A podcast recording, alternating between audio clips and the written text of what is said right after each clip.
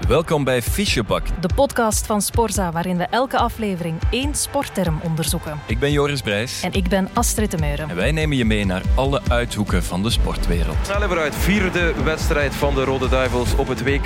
Ze staan in de tunnel, we kunnen er zo meteen naar. Daar komt de corner. Oh, weer gered! Courtois heeft hem. Ze gaan lopen. Nog snel gooien. Eén aanval van de Belgen. Daar is hem! Daar is hem!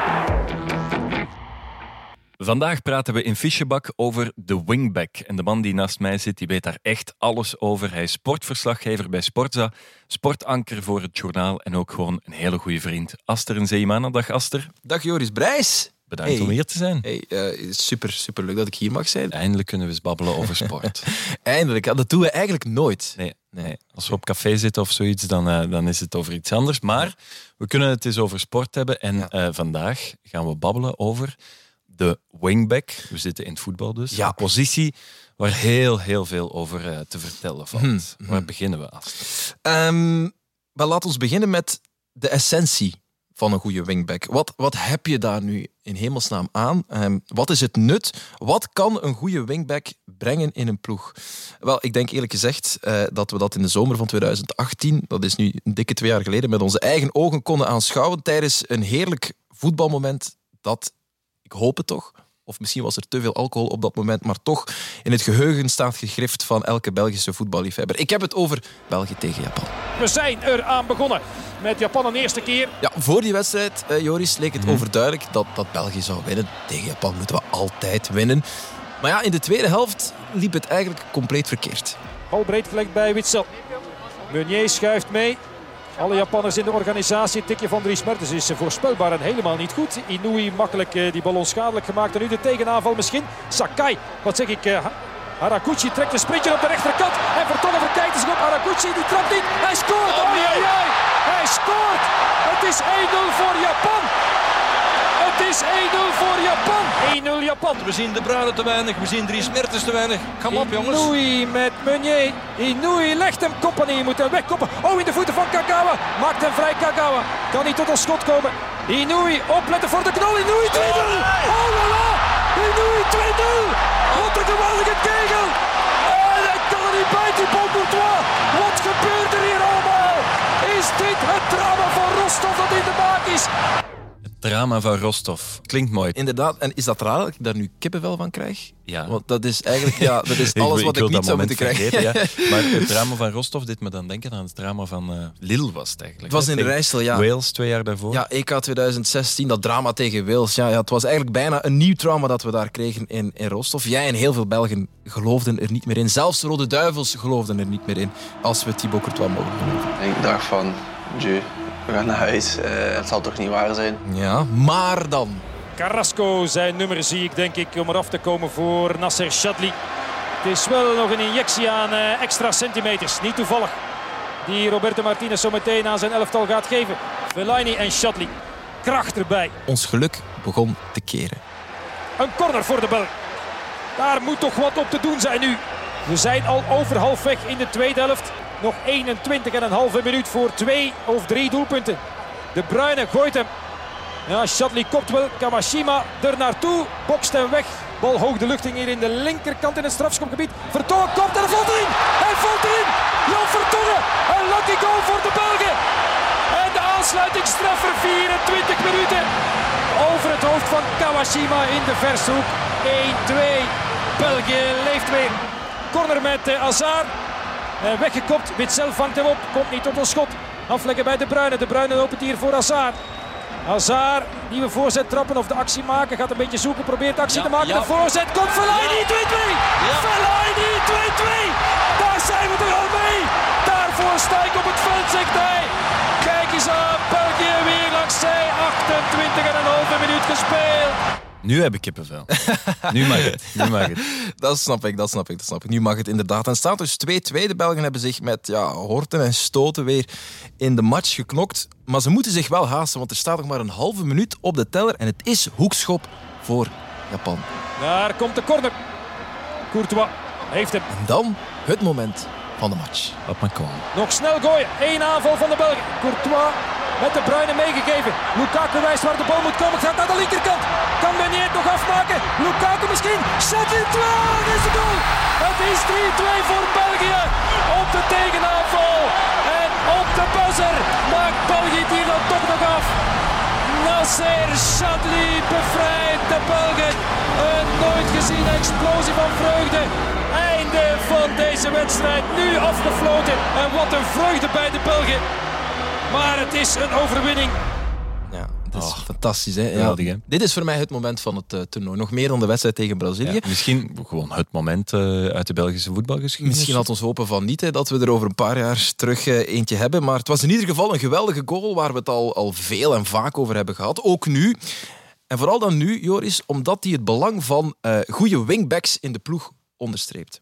Waarom en hoe, dat is voor straks. Ik zal anders eerst uitleggen wat een wingback precies is. En daarvoor moeten we een eh, heel stuk verder terug in de tijd. Naar een moment dat waarschijnlijk niet in veel geheugens gegrift staat. Maar wel heel belangrijk was voor de evolutie van het voetbal.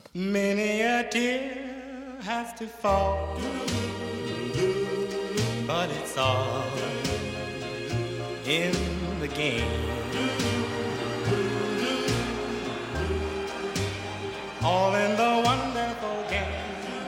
Een lesgeschiedenis. Ja, een lesgeschiedenis met meester in Zaimana. We zitten in 1958.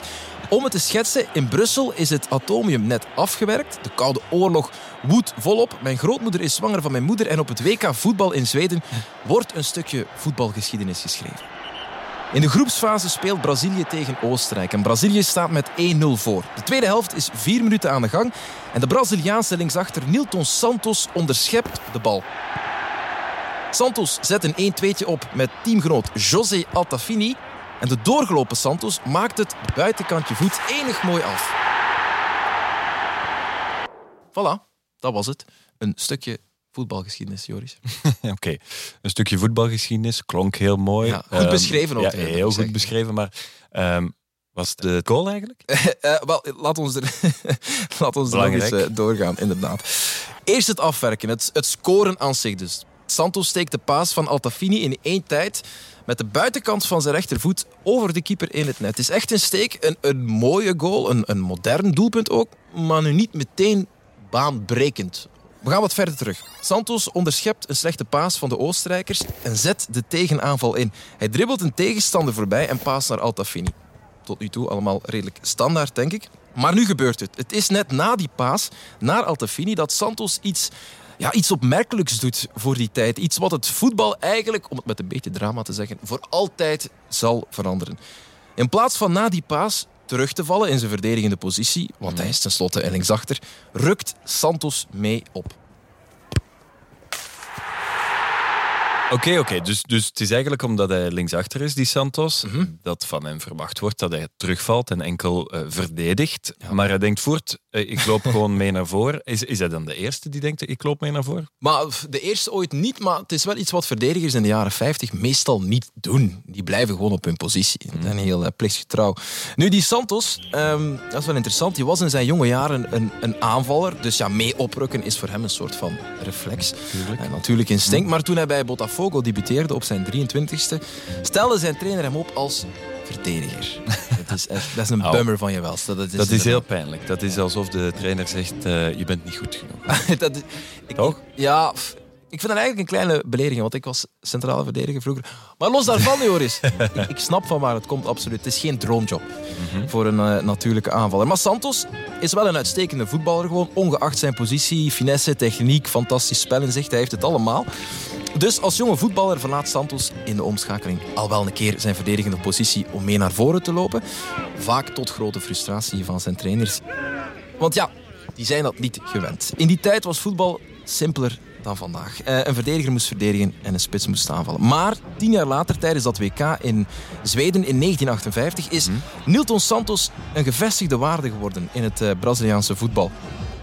Nu, ik zeg dus, die loopactie tegen Oostenrijk, dat was niet de eerste keer dat de verdediger oprukte naar een aanvallende positie. Het was zelfs niet de eerste keer dat Santos scoorde voor zijn land, maar door de locatie van het WK in Zweden, door de technologische vooruitgang van toen, op alle vlakken, vooral televisie, ja, was het wel de eerste keer dat er zoveel Europese ogen gericht waren op de acties van de Brazilianen van de Zuid-Amerikaanse landen. En toen zagen al die, die Europese ogen, wat doet hij nu? Ja, echt waar. Dat is een Ja. echt wat doet hij nu moment. Dus het moment, het wat doet hij nu moment, waarop eh, linksachter Nilton Santos voor de ogen van al die journalisten, scouts en coaches ja, oprukte om de bal in het net van de Oostenrijkers te trappen. Dat is eigenlijk het moment waarop, met een beetje drama, de positie van wingback werd geboren.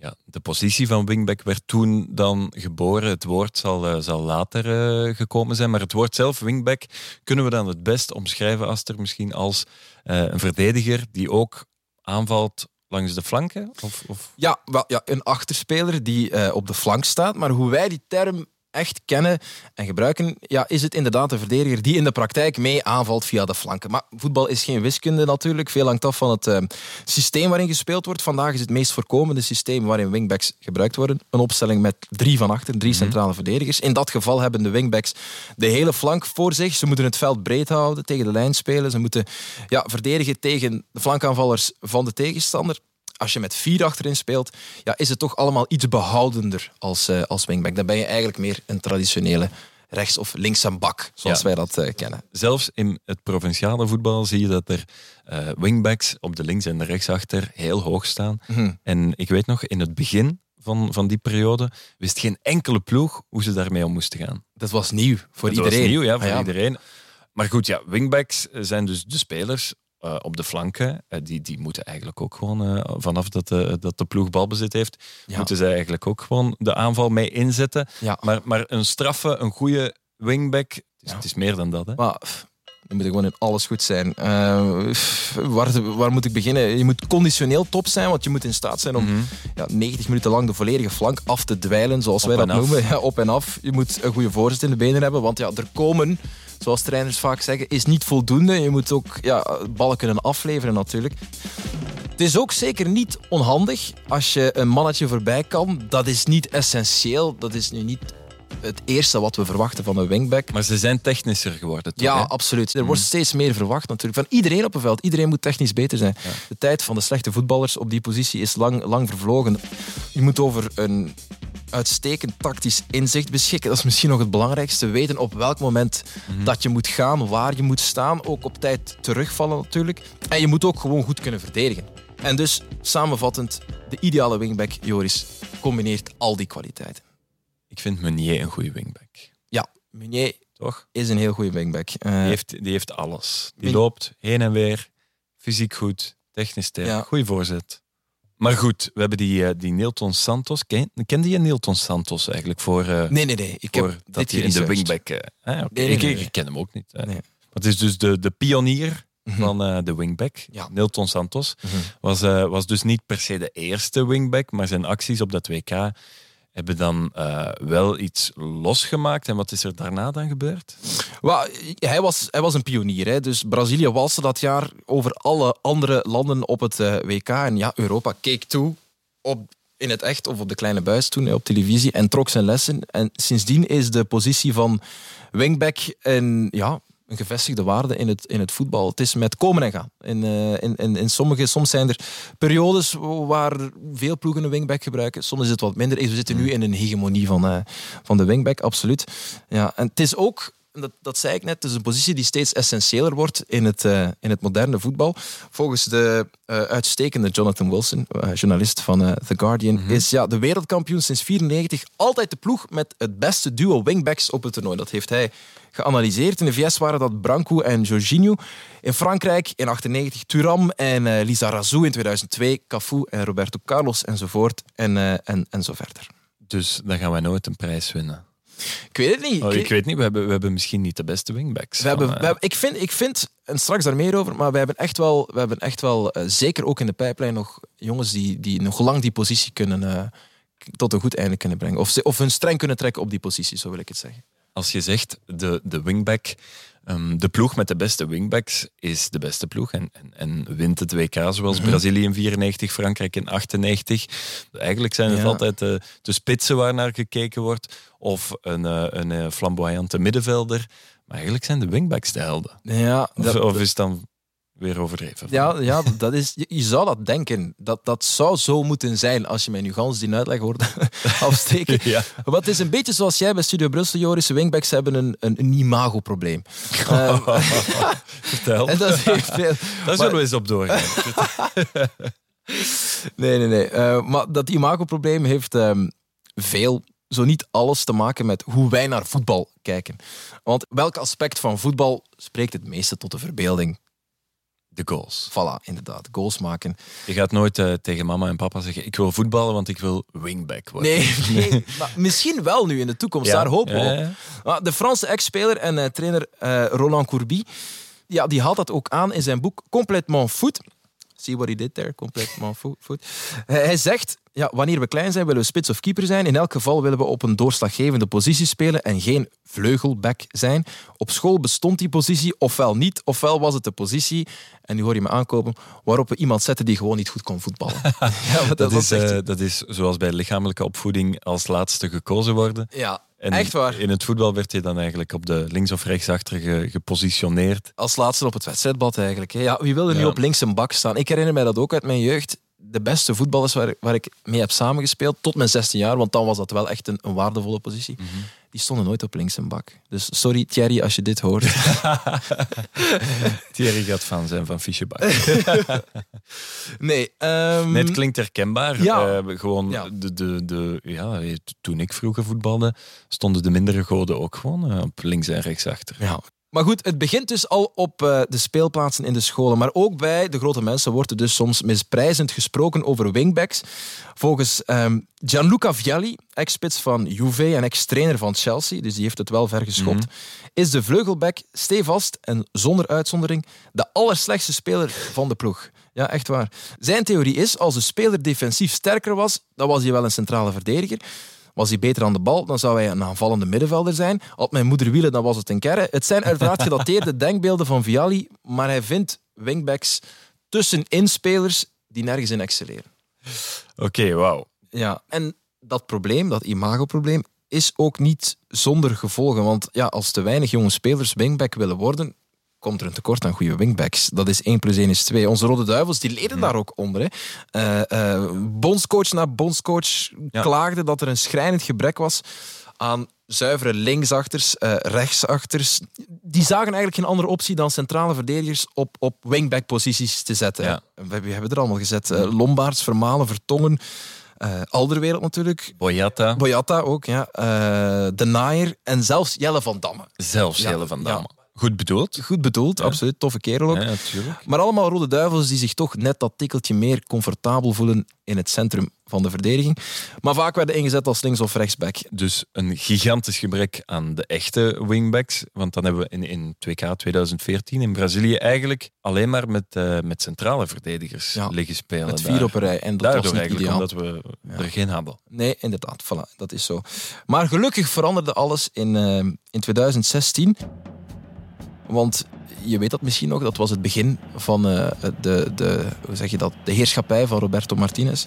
Trainerschap van hem in 2016. Die oefen in het land tegen Spanje. Ik was daarbij op, in het eh, Koning Boudewijn Stadion. En dat was wel pijnlijk. We werden tegen Spanje echt tureluurs getikt. Spanje nu wel baas.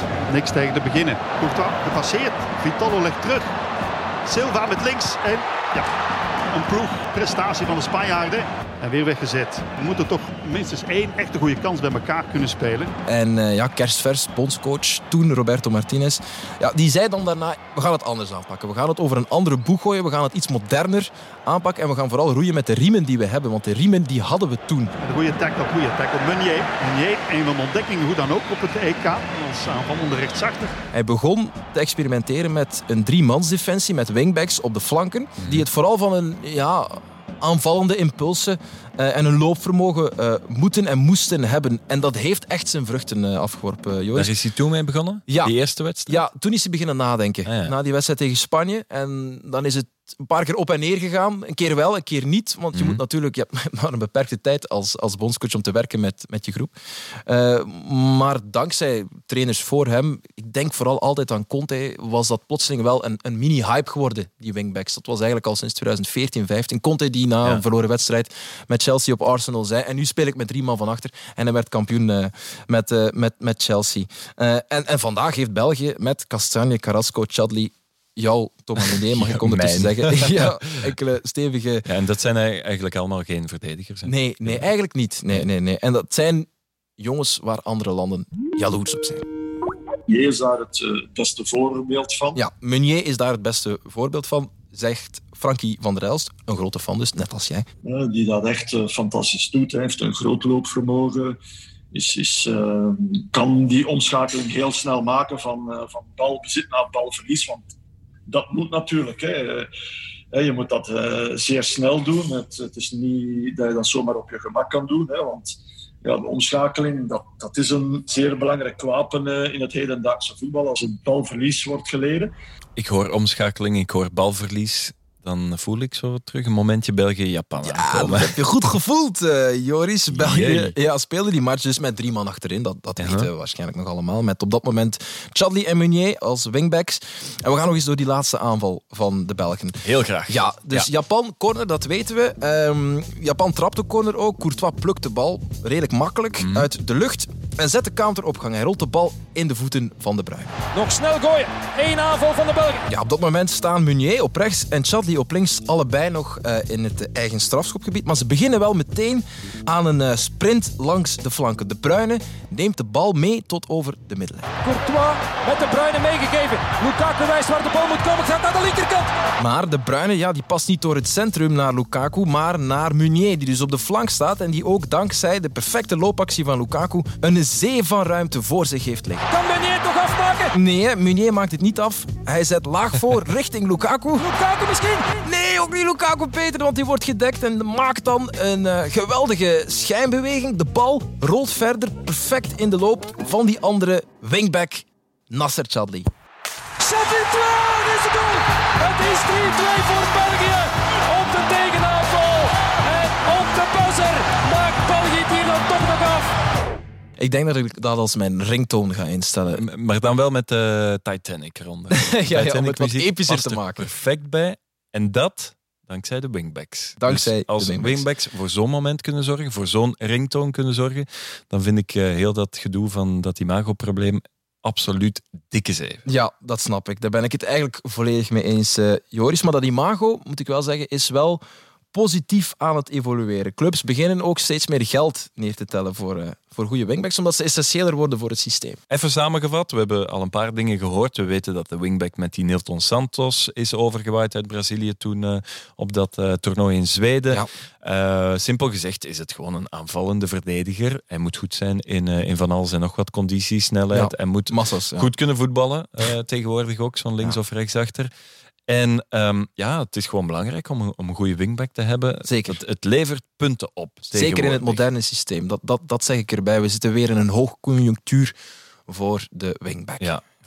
Ja. Ik ben nu al fan van de wingback. Mhm. Maar stel, we hebben contact gemaakt met aliens, met buitenaards leven, Aster. En eh, ik geef jou de taak om hen uit te leggen wat de wingback is. En je mag een foto laten zien van eender welke wingback ter wereld. Eh, als we het hebben over legendarische wingbacks en als we het hebben over Belgische folklore, dan heb ik eigenlijk iemand in gedachten. Maar daarvoor moeten we terug in de tijd. Jongens, ik hoor in de verte iets, maar ik versta er niks van. Ik start, ik start na de Eurovisie, dia, hè. Zet maar open. Dames en heren, men is klaar voor de slag. Welkom in de Kuip van Feyenoord. Ja, de legendarische Rick de Sadeleer was dat geweldig fragment. Maar we schrijven 20 november 1985. Het is ijskoud in Rotterdam. België speelt tegen Nederland in een wedstrijd waar er enorm veel van afhangt. Of, om het met de woorden van Rick te zeggen, Een inleiding kan eh, bijzonder kort zijn. Naar Mexico gaan of Mexico volgen vanuit de luie zetel.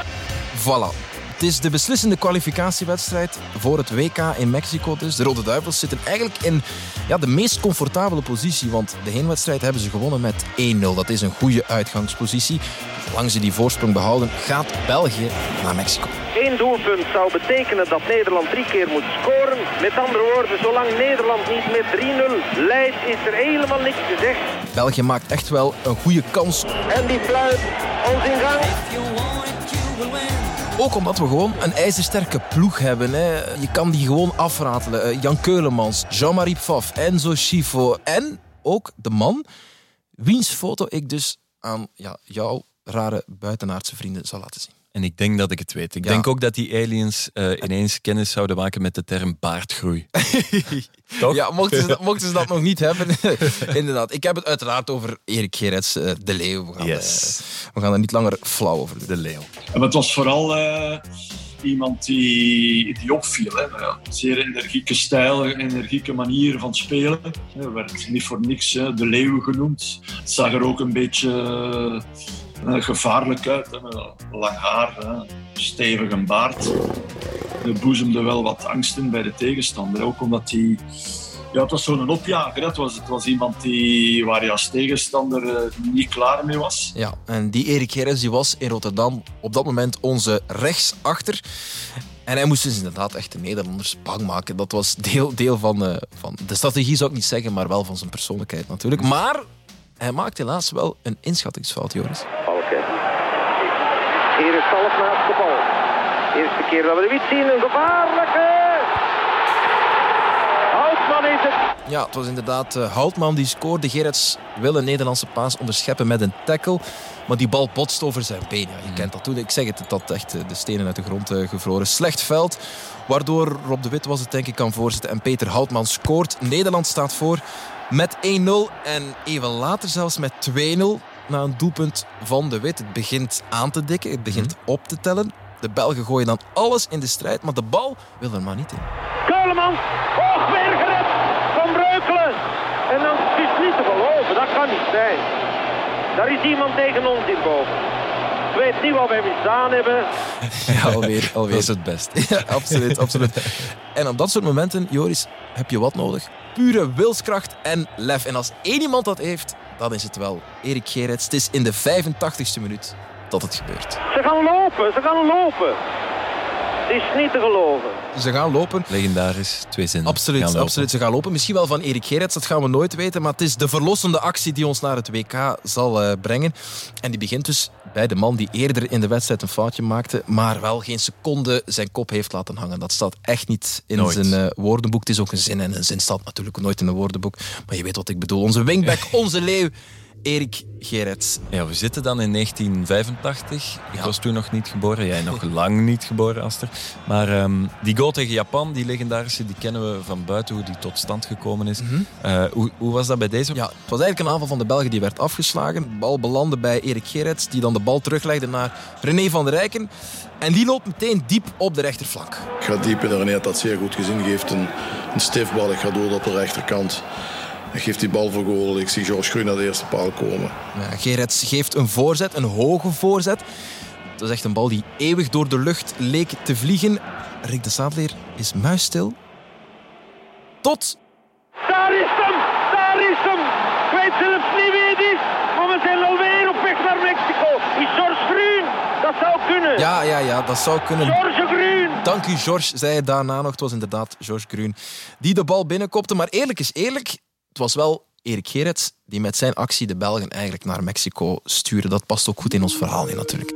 Ja, de, de onverzettelijkheid, de de winnersmentaliteit, de leiderscapaciteiten. Ja, je herkent de stem van eh, Frank Raas. Dat type was hij wel. Hè. Je had ook nog wel in dat team eh, een Keurmans. Die had dat eigenlijk ook op zijn manier. Maar Gerrits kon natuurlijk ook wel voetballen. Tactisch, eh, ja, was toch allemaal wel in orde. Hij wist waar hij moest lopen, wist wanneer hij naar voren moest trekken. Technisch niet de allerstrafste, zeker niet, dat weet je ook wel.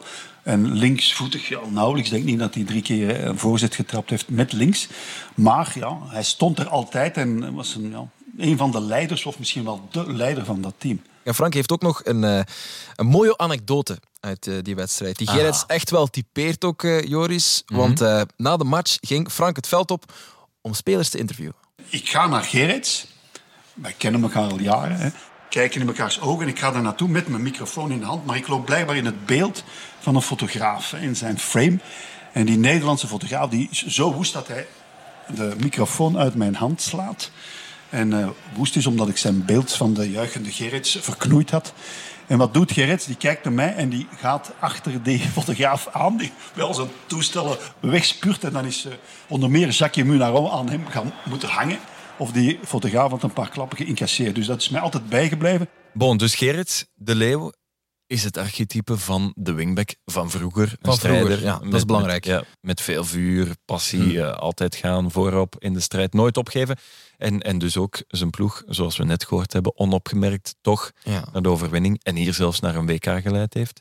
Ehm, klopt het plaatje nog altijd zo dat dat eigenlijk een, een, een bescheiden voetballer is die... ehm, Noem mij één bescheiden voetballer, Joris. Nee, Vroeger? nee. Eh, vroeger klopte het, mm, tegenwoordig is het niet meer zo. Maar vroeger was het echt wel zo. Erik Gerrits was inderdaad echt een goed voorbeeld daarvan. Maar ik heb onlangs nog een, een ander uitstekend voorbeeld gevonden van, van het, het oertype van een, eh, een wingback. Iemand die er eigenlijk wat dat betreft met kop en schouders bovenuit stak. Qua mentaliteit, qua, qua vechten. De grootste teamspeler aller tijden is het eh, Joris. Maar dan eigenlijk niet op het veld. Ehm, je gaat waarschijnlijk nog nooit van hem hebben gehoord, denk ik. Of je zou mij heel hard moeten verbazen. Ik ben De. Brit Jeff Hall. Ken je hem? Jeff Hall. Nog nooit van Ik ook, ik ook niet. Jeff Hall. Jeff Hall. Maar dat is jou volledig vergeven. eh, want, want zo bekend is hij nu ook weer niet. Maar wat hij teweeg heeft gebracht is ongezien. En, en wat ik erover kan vertellen, die Jeff Hall, topgozer om het met de woorden van, eh, van Jan Boskamp te zeggen. Ehm, als kind speelde hij bij de lokale club, zoals zoveel. En natuurlijk, hij hielp zijn vader met de, de krantenronde. Wat hij zou blijven doen, zelfs toen hij later in de nationale ploeg speelde. Dat, Eden Hazard, die nu nog de krantenronde doet, dat, dat, dat zien we nu ik niet zou meer het gebeuren. Eden denk ik. Hazard nog zien doen. Cristiano Misschien Ronaldo de enige minder. nog, inderdaad. Cristiano is Ronaldo. nee, bescheiden, die- Eden Hazard. die koopt een postkantoordbedrijf om eh, de post rond te brengen. Voilà. Ronaldo. Swat, toen die Hall eh, is uiteindelijk voor Birmingham gaan voetballen, opgemerkt door een scout. Hij kon niet geloven dat hij goed genoeg was om, om prof te worden. Ook dat van ik eh, bij het eerste elftal van Birmingham. Uiteindelijk 226 matchen gespeeld voor eh, Birmingham. Trouwe clubspeler, top, alles erop en eraan. Maar op 21 maart 1959, op 29-jarige leeftijd was hij toen, speelde hij zijn, eh, wat was het, 227ste wedstrijd tegen Portsmouth. En het zou zijn laatste worden. Voor de wedstrijd klaagt Hall dat hij een beetje last heeft van zijn keel. Moeite met, met slikken. Eh, maar goed, ja, in die tijd spons van een delegeet erop. En toch op het veld. Ja, tijdens de wedstrijd alles gaat goed. Maar na de match wordt het toch duidelijk dat er iets goed mis is. Want hij ziet er asgrauw uit. Dat is meestal al een teken aan de wand dat het eh, niet snor zit. Hij kan nauwelijks nog op zijn benen staan. En twee dagen later komt de diagnose polio. Nu, ke- ken jij polio? Nee, nee, je ziet het aan mijn gezicht. Polio, ik, ik, ik ken het van naam, maar Jij hoort geen het idee. eh. Donderen in polio. Ja. Eh, vandaag is, is polio. Even bij de les blijven, alsjeblieft. Vandaag is polio zo goed als eh, uitgeroeid, maar in de jaren 50 Ja. was die ziekte een wereldwijd probleem. Nu, polio dat is beter bekend hier als kinderverlamming. Dus dat is, dat is eigenlijk niet, Ah ja, om te, niet om te lachen natuurlijk. En op enkele jaren tijd had de ziekte meer dan 3000 Britten geveld. Nu bestond wel een poliovaccin, Joris, maar wat was nu het probleem? In de VS was dat eh, vaccin iets te snel op de markt gebracht, waardoor er in sommige gevallen net iets te veel van het actieve virus in het vaccin zat. Ah, ja. Als je nog kan volgen, waardoor je Ja, natuurlijk ja, opnieuw besmet raakt. Dan ben je bij af natuurlijk. Dus dat wil je ook niet. Maar dat was in zeldzame gevallen. Toch zeiden ze massaal in de VS, in Groot-Brittannië, ja, we gaan ons niet meer laten vaccineren tegen polio, tegen die kinderverlamming, waardoor Hmm. slechts 5% van de jonge Britten beschermd was tegen het eh, poliovirus. En Jeff Hall zat helaas voor hem niet bij die 5%. Nee. Nu, na die diagnose van eh, Hall gaat Birmingham City, de ploeg, volledig in lockdown. Iedereen in quarantaine. Ondertussen is Hall zelf aan het vechten voor zijn leven en ondergaat binnen de 24 uur eh, drie operaties. Drie. Ja, en hij moet echt rekenen op een, eh, een ijzeren long. Dus je weet dat, dat is zo'n een ademhalingstoestel, beademhalingstoestel. Het komt allemaal heel dichtbij. Ken ik. Ja, absoluut. Eh, om, om te ademen. De ogen van heel het land zijn op hem gericht eigenlijk op dat moment. En de nationale kranten houden de Britten op de hoogte van de situatie van op dat moment de nationale held Jeff Hall. 25th of March. There has possibly been some slight improvement, though his condition gives rise to acute anxiety. 27th of March. Jeff Hall is putting up a good fight and is appearing quite cheerful. 30th of March. The slight improvement in his condition has not been maintained. His temperature has risen again and his general condition is weaker. 1st of April. He's had a fair day and is maintaining his strength. Daarna houden de berichten op. Want op 4 april, 14 dagen na zijn laatste wedstrijd, sterft Jeff Hall aan de gevolgen van polio. Ja.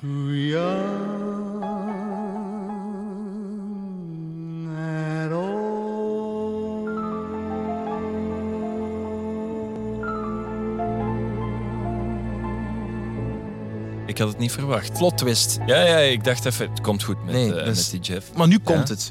Want zijn dood was niet te vergeefs. We praten er nog altijd over. Dat. Laat dat vooral een bewijs zijn. Zodra mensen te horen kregen dat Hall besmet was met polio, ja, werd het, het, het kantoor van, eh, van Volksgezondheid in, in West, West Bromwich overstelpt met telefoontjes van ja, jongens die een vaccinatie wilden krijgen. Hè. Iedereen zag hoe erg het was. En in de dagen na zijn dood worden de rijen aan de hospitalen ja, alsmaar langer eigenlijk. The needles are ready, and so is the Charlton athletic team lining up for inoculation against polio. This action was taken as a direct result of the tragic death of international footballer Jeff Hall. People have been queuing up at London centres for lunch hour inoculation. Young people up to the age of 26 are eligible at present, and anyone can apply to their local health authority or to their doctor. Ja, het is echt een stormloop. Al snel raken de vaccins op. En moet de VS noodleveringen eh, sturen. Echt waar. De Britse krant The Express schrijft... In the past 10 years, over 3,000 people have died of polio in England and Wales. But it took the death of one footballer to get typists and secretaries, clerks, schoolboys, and a rock and roll generation pouring into the clinics. Nu, in 1958, dat is een jaar voor de dood van Jeff Hall, ik zei het al, minder dan 5% van de Britten beschermd tegen polio. In 1961 al meer dan 60%. En in 1984 is voor de laatste keer polio vastgesteld in het eh, Verenigd Koninkrijk. En nu, 60 jaar na zijn dood, hangt er in het St. Andrews Stadium in, eh, in Birmingham nog altijd een klok ter nagedachtenis van, eh, van Jeff Hall. Ja, je kan niet meer betekenen, denk ik, voor de maatschappij dan hem. Hij wordt er waarschijnlijk nog een heel klein beetje herinnerd omwille van de goede back die hij was, Ja. maar toch vooral omwille van de ontelbare levens die hij op zijn manier gered heeft. Ik kende hem niet. Ik vind het eh, nu een schande dat ik hem niet eerder kende, maar, maar bedankt daarvoor. Mooi verhaal. Ja, het, ook heel straf dat hij dan gewoon zich, eh, zich heeft opgeofferd. Dat hij eigenlijk gewoon die wedstrijd gespeeld heeft terwijl hij al polio had. Ja, Ehm, dat zegt alles. Typisch voor de wingback. Absoluut. Blijven gaan. Dus ons respect is gegroeid voor de Massas, massas. Zullen we dan eh, collectief sorry zeggen? tegen al die wingbacks, Ja, tegen al die links- en rechtsachters die we ooit beledigd hebben. Sorry Thierry, ja. Thierry bij deze en al de rest. Sorry van ons. Jullie zijn wel goede voetballers. Absoluut, toppers. Merci Dankjewel. Aster Ja, jij om over bedankt, de Joris. wingback eh, te praten, om ons die, die rondleiding te geven. En het respect is gegroeid. Ook voor jou. Merci. Many a tear has to fall, but it's all in the game.